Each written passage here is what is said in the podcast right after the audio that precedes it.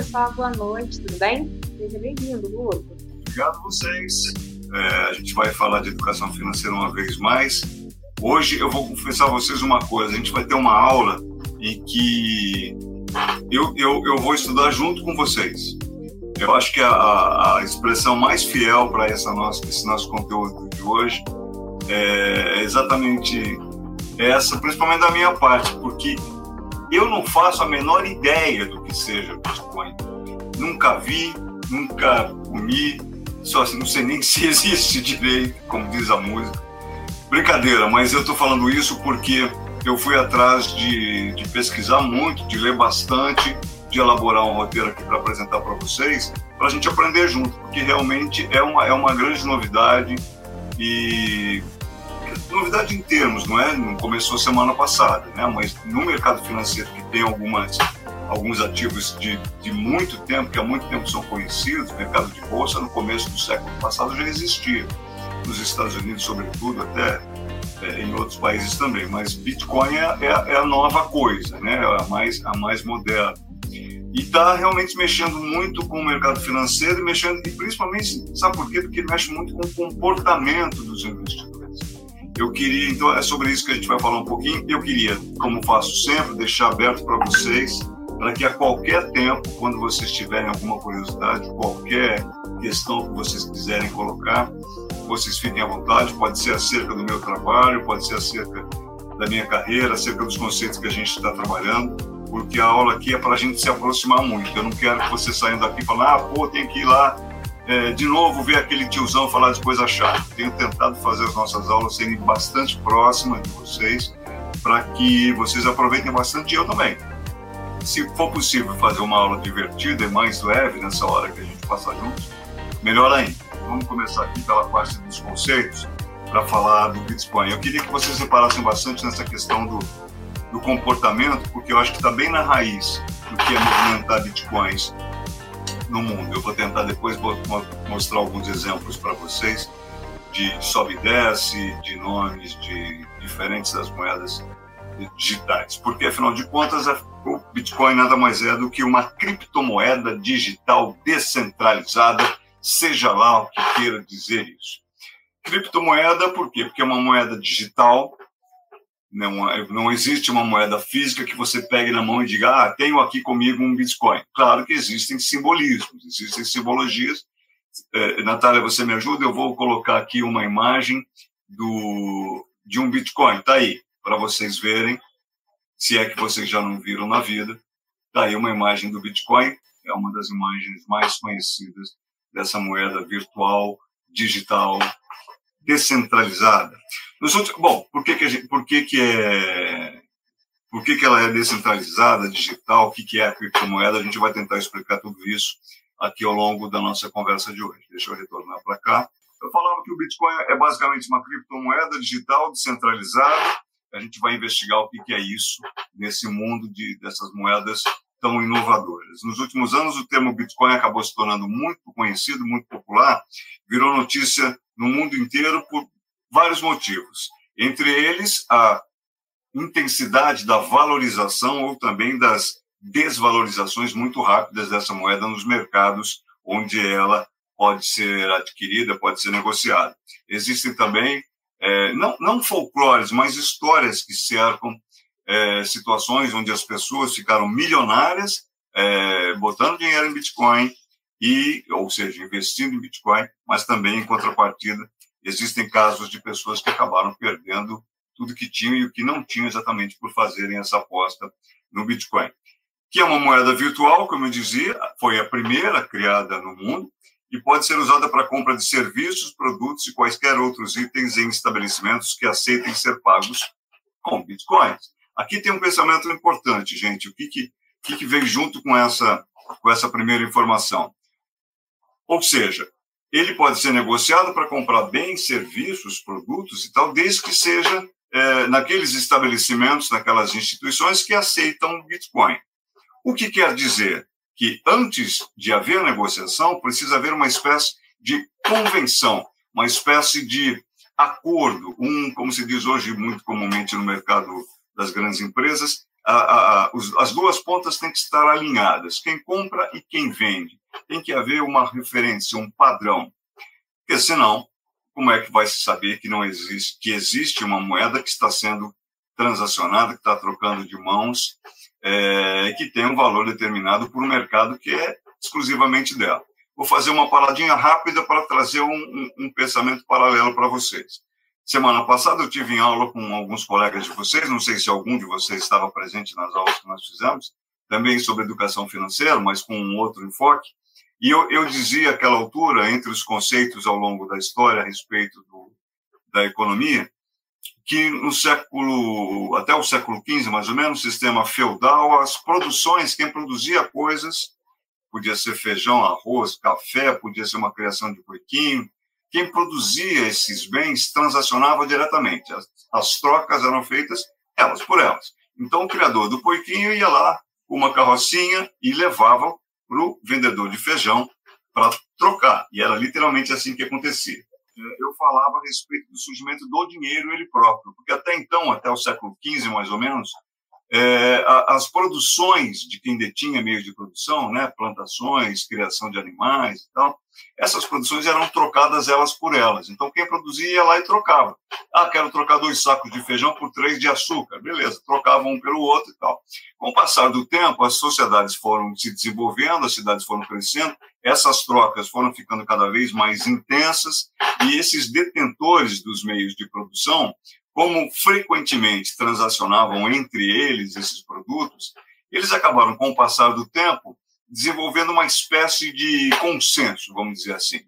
Então, era uma, é, um título, um papel com uma assinatura, uma moeda, uma moeda, olha só, um metal brilhante, uma pedra preciosa, qualquer coisa de valor que simbolizasse, por exemplo, quanto valia aquela criação de porquinho que ele estava trazendo no carroção, ou quanto valia 15 sacos de feijão, ou quanto valia 10 sacos de arroz. A partir do momento que esses produtores convencionaram, quer dizer, entraram num acordo sobre o valor das coisas, claro que aquilo era um princípio muito elementar, mas foi a partir dali que teve origem a, a troca de as comercializações, a troca de bens e serviços por moedas como a gente conhece hoje, a partir daquela convenção, daquele entendimento, daquele alinhamento, foi possível dar origem a um processo que levou à criação do dinheiro. Claro que isso teve uma série de outras consequências é, para a própria sociedade da época, o surgimento da burguesia, depois a Revolução Industrial, Revolução Francesa, e daí foi. Fazendo aquela comparação deste exemplo que eu estou trazendo para vocês com o Bitcoin agora, alguma, alguma comparação é possível, melhor colocar. Por quê? O Bitcoin é uma moeda que foi criada recentemente, é, ela, ela, tem um criador, eu vou tentar recuperar o nome dele, que eu sempre me esqueço, vou tentar achar aqui e mostrar para vocês. Mas, enfim, é, vamos lá. Tentar fazer uma pesquisa rápida. Se vocês quiserem me ajudar, pode ajudar. E a partir do momento que. Ah, tá aqui, Satoshi Nakamoto, que foi o criador do Bitcoin. Satoshi Nakamoto. Quantos bitcoins Nakamoto tem? Aí começam as perguntas é, que, que, que, não, não param, né? Tanta coisa aqui. Deixa eu só recuperar aqui isso aqui minimamente histórico para vocês. Está aqui, Satoshi Nakamoto, pseudônimo utilizado pela pessoa que criaram a moeda virtual Bitcoin. Como parte da implementação, Nakamoto também desenvolveu o primeiro banco de dados de blockchain. A gente vai falar disso tudo mais adiante. Mas, enfim, a gente está falando de alguma coisa é, ali ao redor do início dos anos 2000, né, que foi quando apareceu o, o Bitcoin, ou a primeira ideia que deu origem ao processo que culminou com a criação dos Bitcoins. Então, a comparação com aquela criação da moeda lá atrás traz o seguinte aprendizado para a gente. Se não houver um entendimento prévio, um uma espécie de acordo para falar: olha, essa moeda que você está criando vale neste mercado que é só dela, tanto, não tem entendimento. Então, para que você possa usar o Bitcoin, mesmo onde ele é aceito para aquisição de serviços, bens e, e outros itens, tem que haver esta convenção, esse consenso, esse entendimento, este acordo antes, porque senão vai ser mais uma moeda sem nenhum, se ninguém a, admitir como tendo um valor próprio, ninguém né? nem mesmo quem está nos estabelecimentos que aceitam, é, se não estiver, perdão, nos estabelecimentos que aceitem a moeda, não vai ter nenhum tipo de, de validade. Bom, uma das grandes diferenças é que o Bitcoin, em relação às demais moedas, é que, sobretudo, ele não é uma moeda física.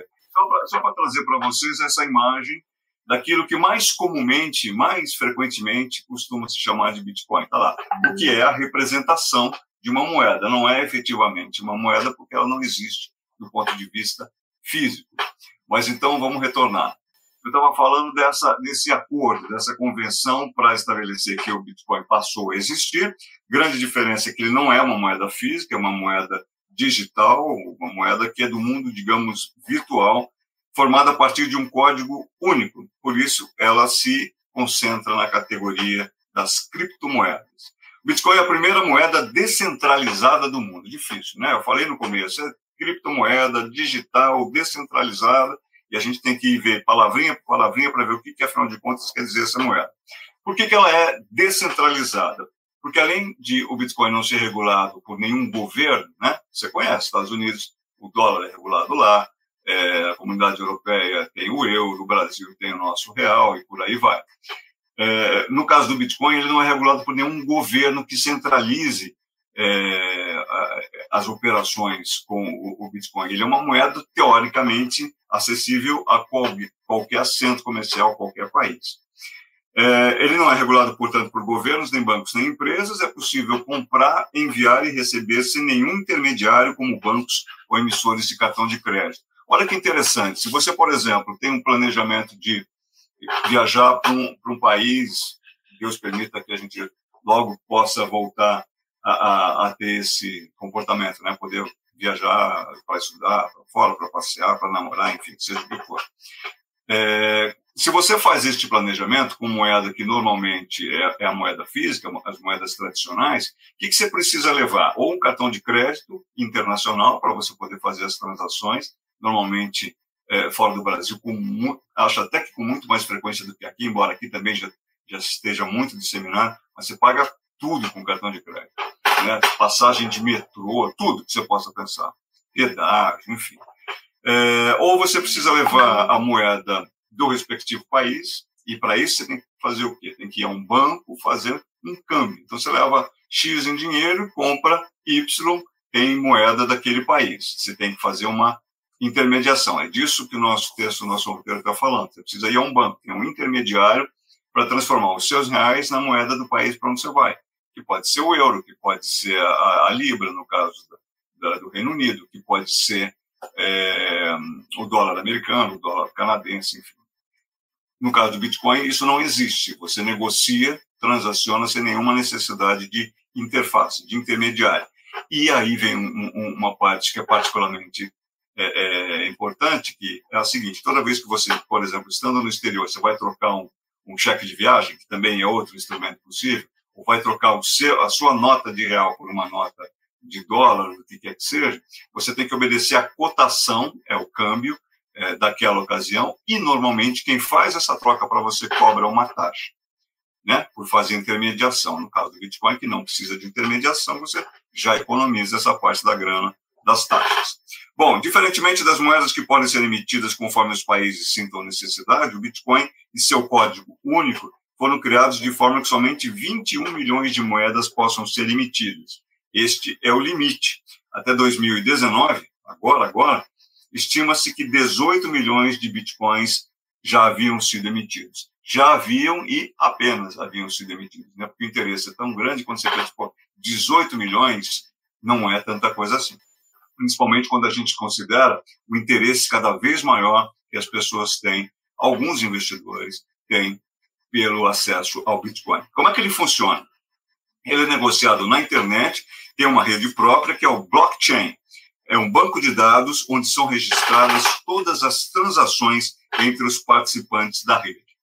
É mais ou menos o seguinte: como ele tem limite, né? A gente acabou de ver, não, não, ninguém sai por aí emitindo Bitcoin, como existe um limite, isso está na, na essência do Bitcoin, na criação dele, a, a, a, movimentação com o Bitcoin acaba ficando dentro de um pacotão, dentro de áreas mais restritas. Não é tanta gente assim que tem acesso aos Bitcoins. E apesar de haver muitas operações no, no mundo hoje em dia com Bitcoins, o volume, a, o número de operações ainda é relativamente estreito.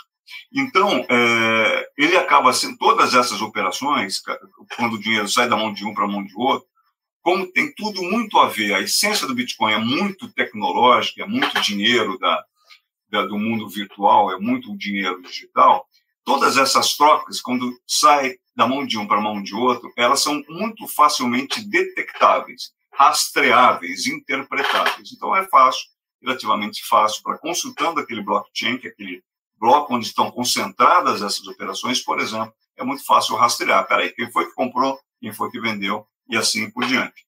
Todas as transações são, são registradas entre os participantes dessa rede, que é particular, que é o mercado do próprio Bitcoin. O Bitcoin também é descentralizado e aberto, embora as informações dos participantes sejam anônimas. É mais ou menos o que a gente já falou, não tem um país que seja o emissor, seja o dono do Bitcoin. Ele é uma moeda internacional. É bom a gente lembrar o seguinte: a gente está falando do início dos anos 2000 para cá, com a criação do Bitcoin. Hoje já são mais de 5 mil moedas digitais.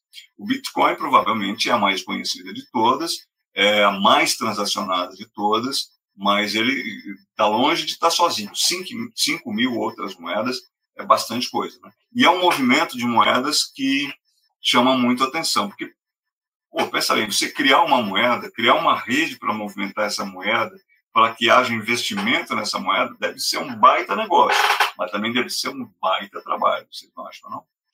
Eu acho que deve dar uma dor de cabeça danada, ainda mais você mexer com o dinheiro dos outros. A partir do momento que o cara investe o dinheiro dele para transformar aquela grana em Bitcoin, você tem que, por exemplo, você que, né, se for o gestor dessa, desse investimento, você tem que dar conta do dinheiro dos outros.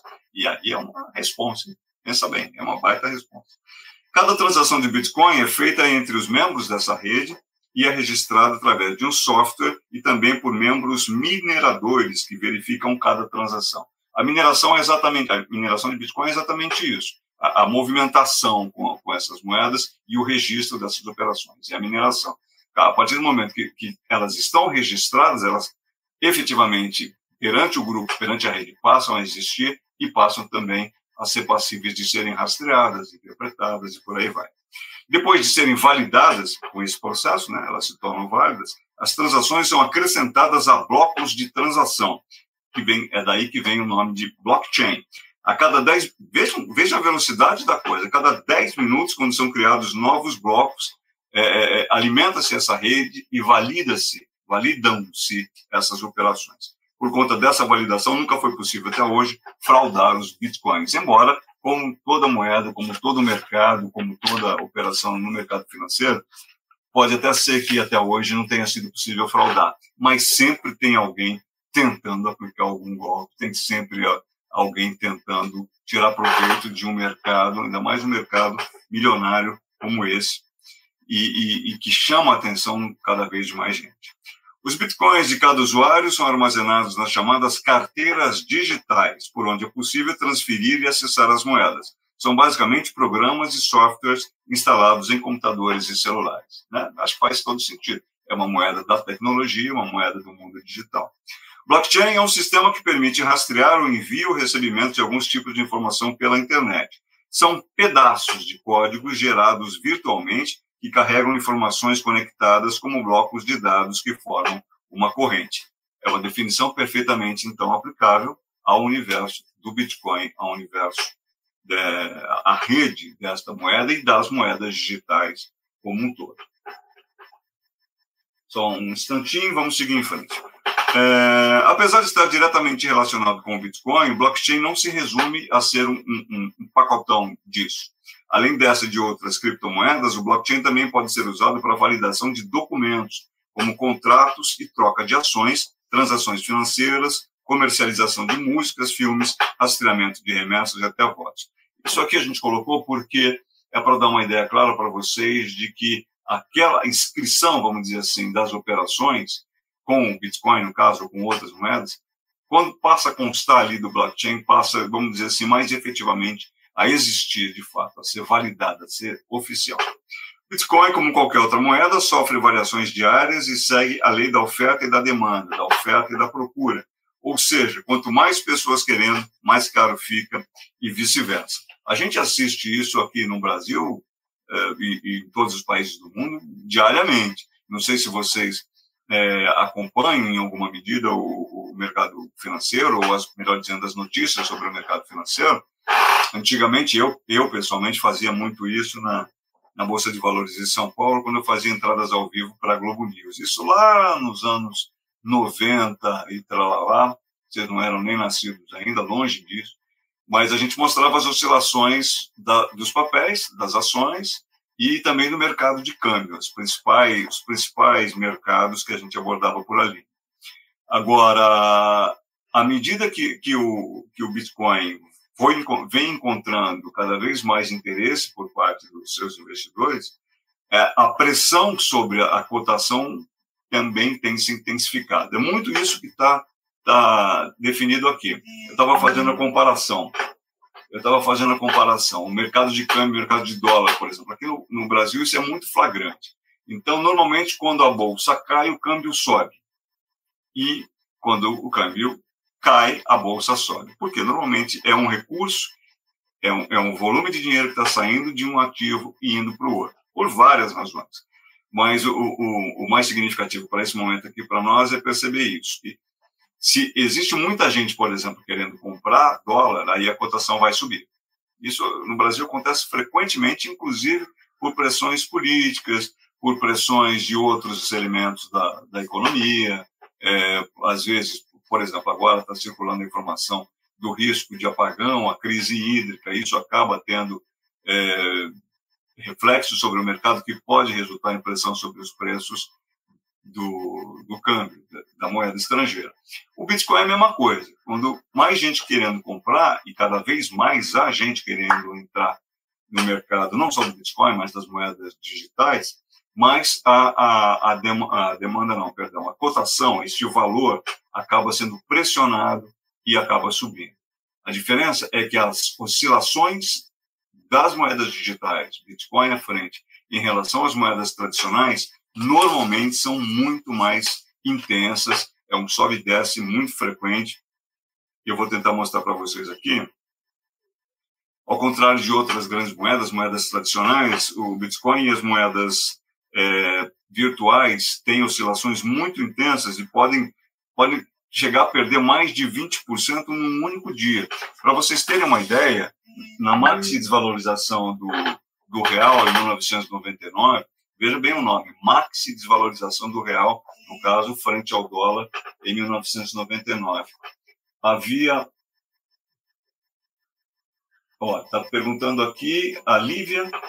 A Lívia estava com a gente nas aulas da semana passada. Que prazer ter você aqui. Por que, eu não vejo a Lívia no nosso chat? Ei, Natália, eu gostaria de, de ver aqui as, as perguntinhas e as participações deles. Mas, enfim, de qualquer maneira, bem recebido aqui. Muito obrigado por participar, Lívia. O que aconteceu com a Bitcoin, que ela teve uma queda recentemente? É, é mais ou menos o que eu estava tentando explicar.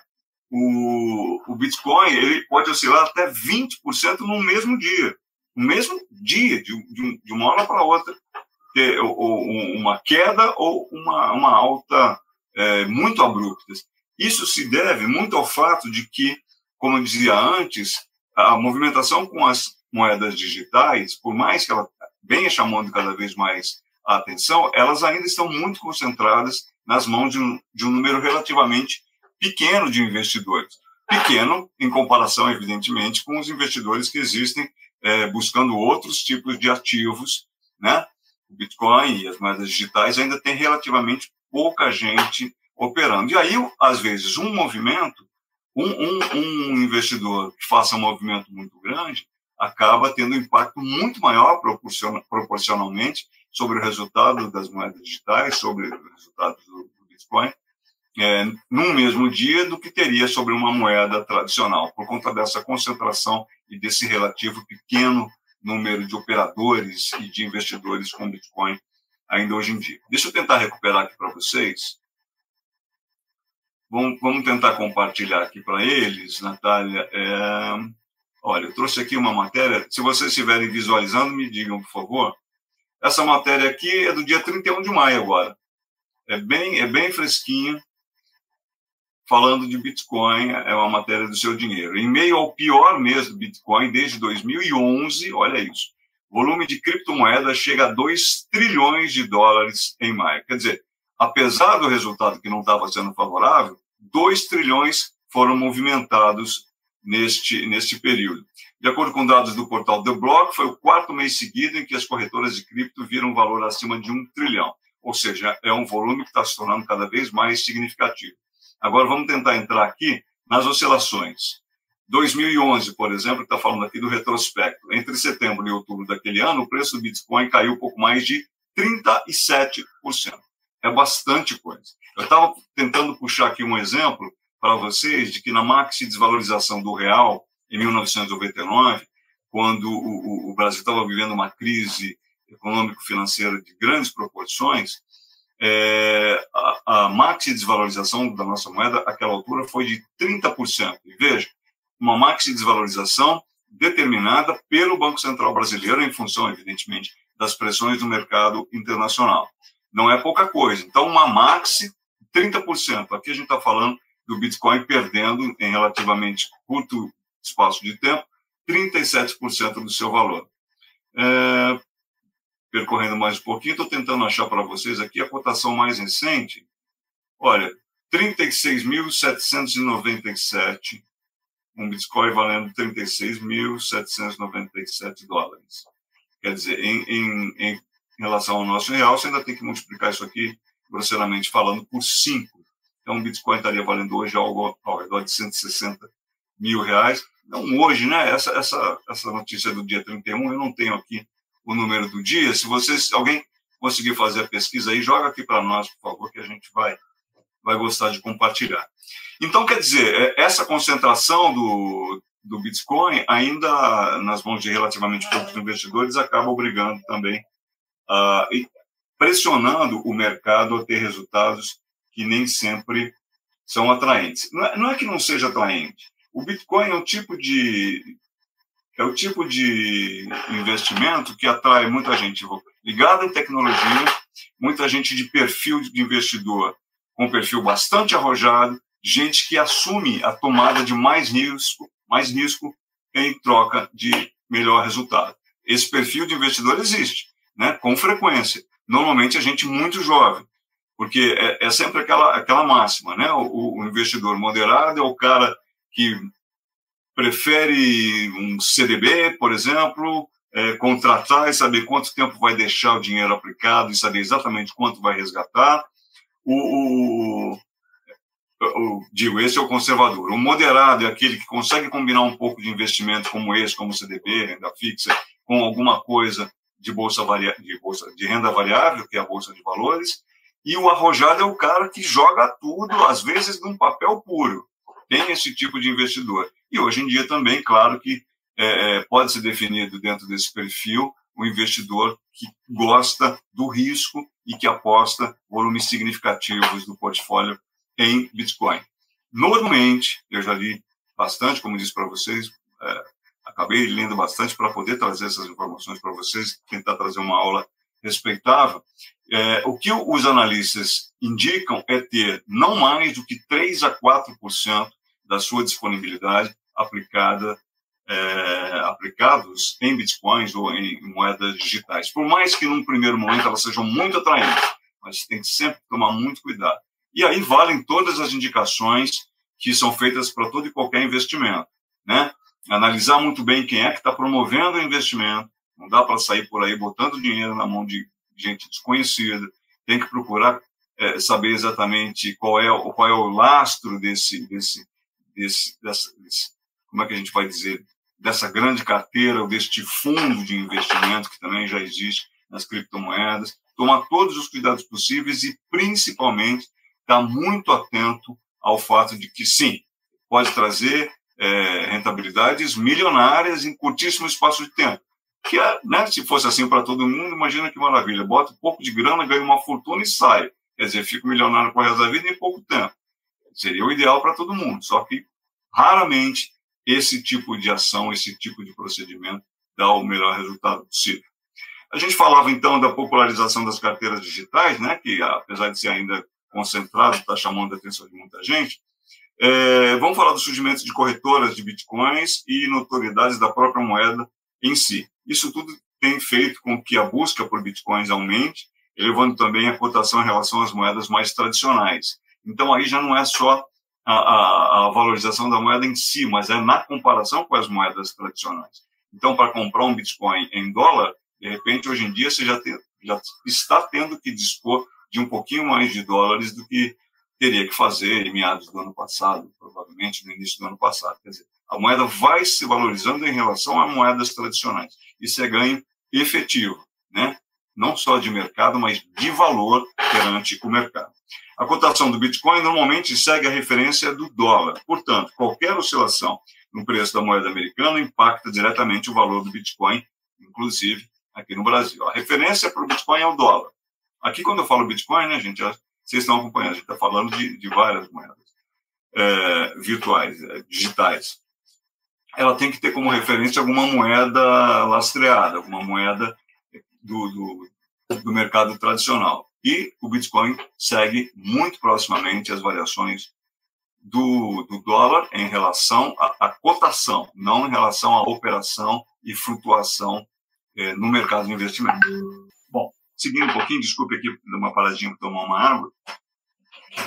Um dos pilares do Bitcoin e das criptomoedas é a criptografia, uma camada de segurança online que dificulta bastante qualquer tipo de fraude. Por isso, o Bitcoin é considerado seguro. Vocês com certeza já ouviram falar com muita frequência do quanto que as mensagens no universo digital, nas redes sociais, em, enfim, vários meios de, de comunicação mais inovadores, mais tecnológicos, tem essa proteção, proteção adicional da criptografia. É praticamente é, impossível.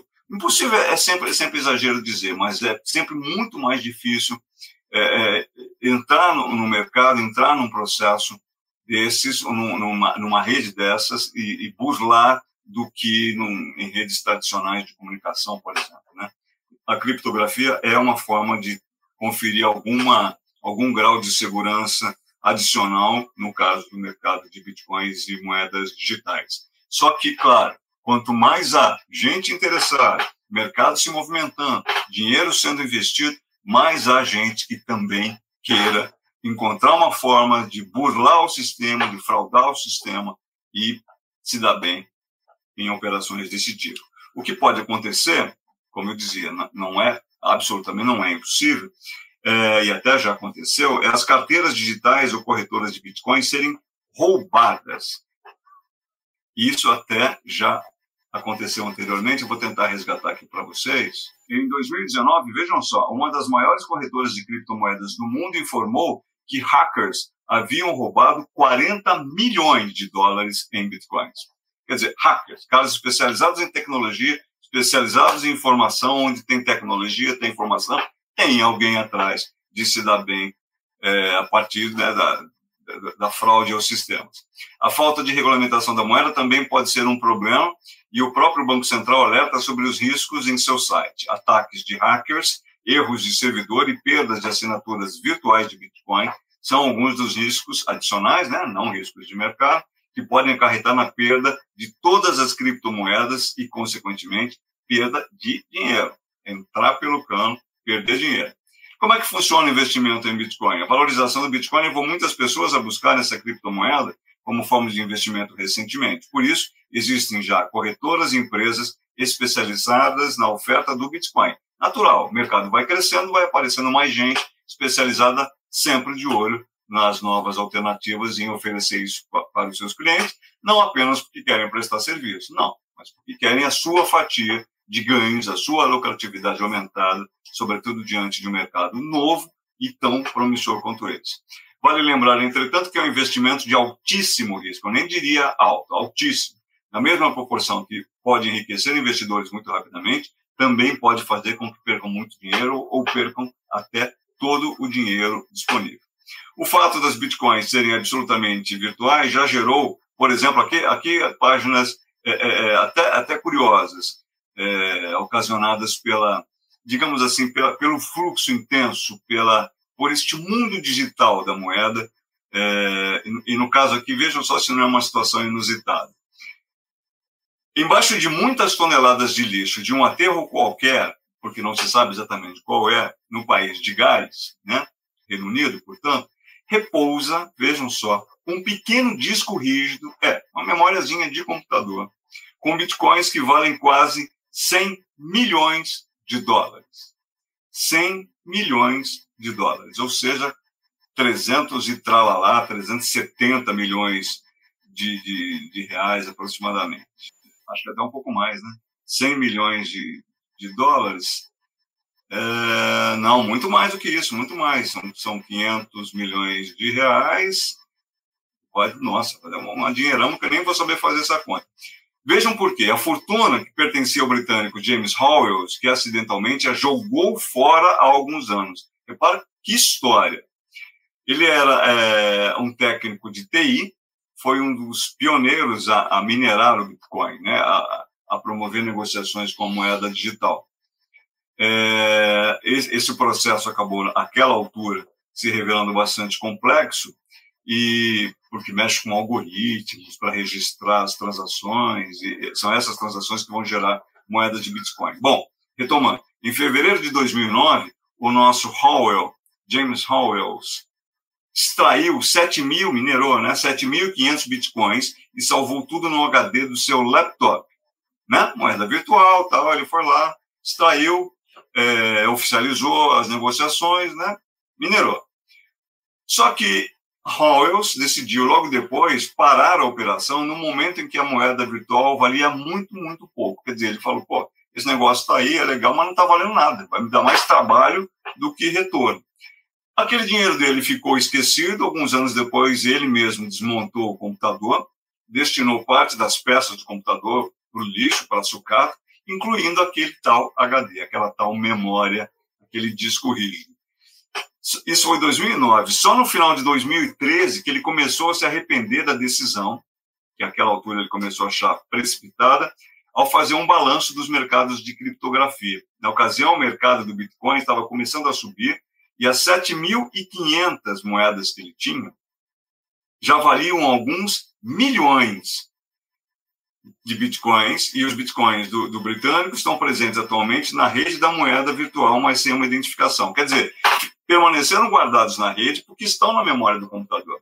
A questão é que não é possível realizar transações com eles, porque como ele não localiza o HD, ele não tem como identificar que aquele dinheiro que está aparecendo ali que aparentemente é, ninguém, ninguém pode botar mão, ninguém identifica como sendo seu, o James Howells não tem como identificar ainda hoje que aquele dinheiro que está lá é dele.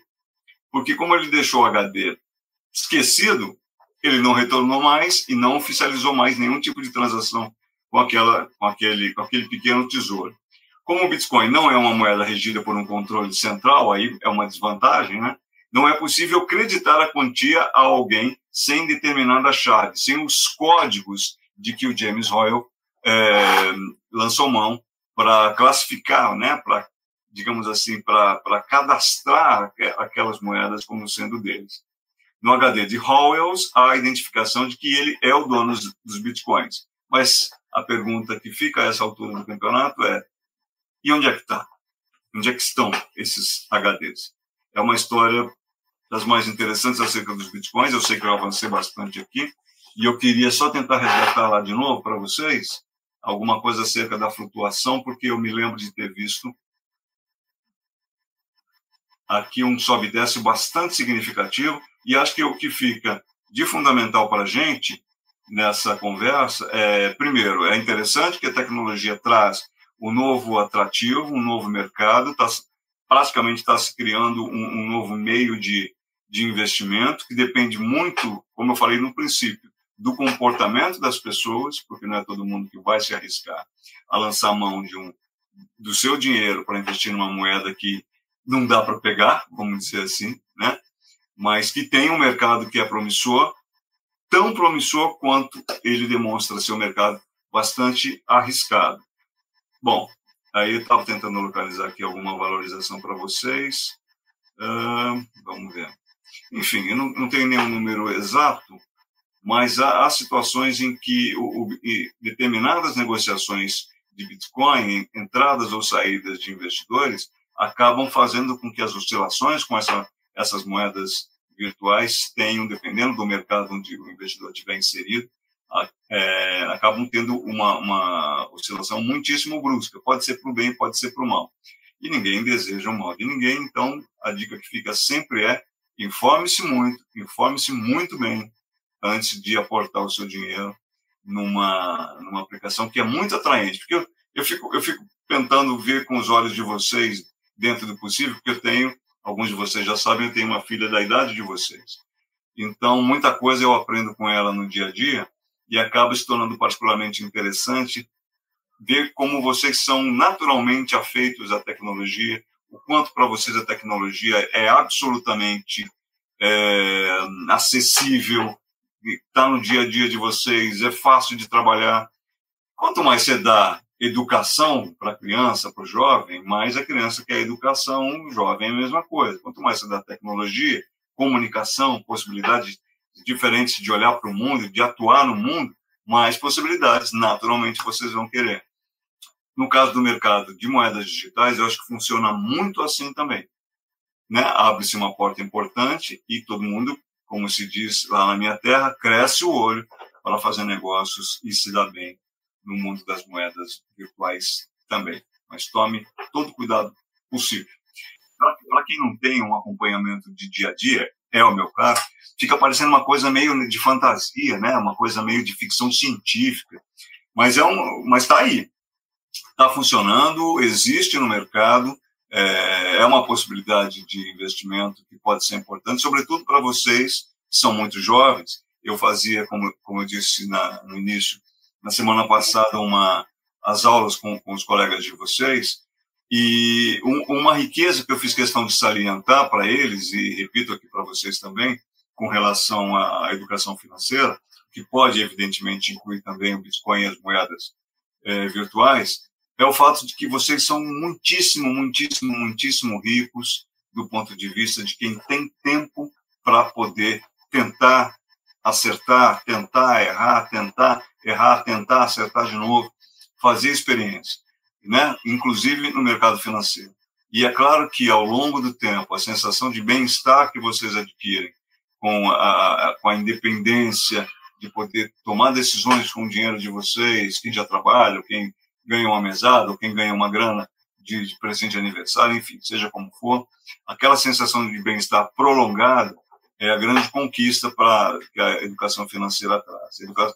É, é, bem-estar, aí a gente pode entender tranquilidade, segurança, conforto, bem-estar da gente, daquelas pessoas que a gente ama que estão próximas, e com isso a gente se insere na sociedade onde a gente vive e tenta até ajudar a, a, a todos, ajudar a nossa cidadania a viver num país melhor.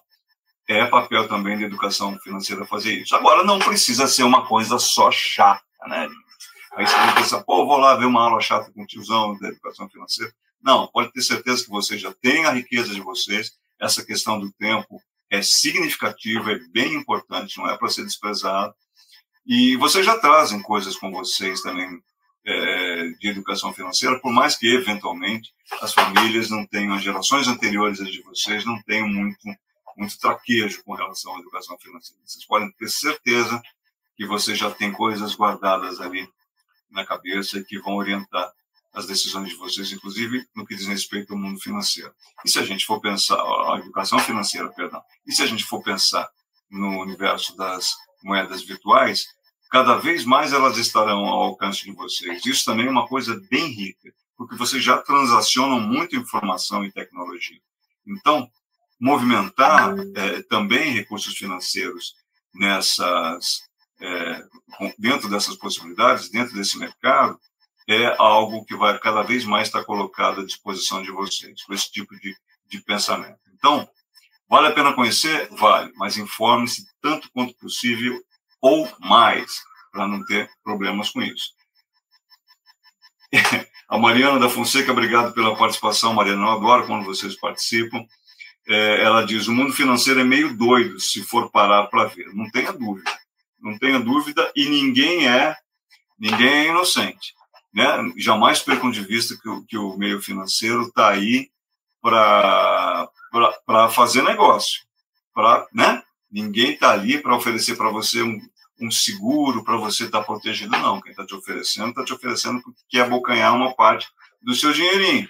Quem está te oferecendo uma opção como uma criptomoeda, é, que pode ser interessante do ponto de vista de rendimento, pode, mas está interessado em abocanhar parte dele a partir da gestão, digamos assim, dos fundos e, da, e do seu investimento na criptomoeda. Em função disso, eu acho que não tem como negar que, mais uma vez, se aplica a frase que eu acho que talvez seja mais absolutamente perfeita é, do cancioneiro popular brasileiro acerca do comportamento das pessoas. Está na música do, do Caetano Veloso e que diz que de perto ninguém é normal. Na hora que você vai ver por que é que tal pessoa se aproximou, por que é que te atraiu, por que é que tentou te seduzir do ponto de vista, aqui no nosso caso, do ponto de vista da atratividade do mercado financeiro, é porque tem lá os seus interesses que só aquela pessoa mesma vai poder identificar. É isso. A música chama Vaca Profana. Se vocês não conhecem, vale a pena ir lá no Google. É bem bonita a canção. E lá, e essa frase é, eu acho que é indelével. Ela é de perto ninguém é normal e não é mesmo. Só a gente com a gente mesmo para a gente se entender e às vezes nem a gente mesmo. Gente, opção. Até uma próxima. Vocês são sempre convidados para todas as aulas. Bom? Valeu!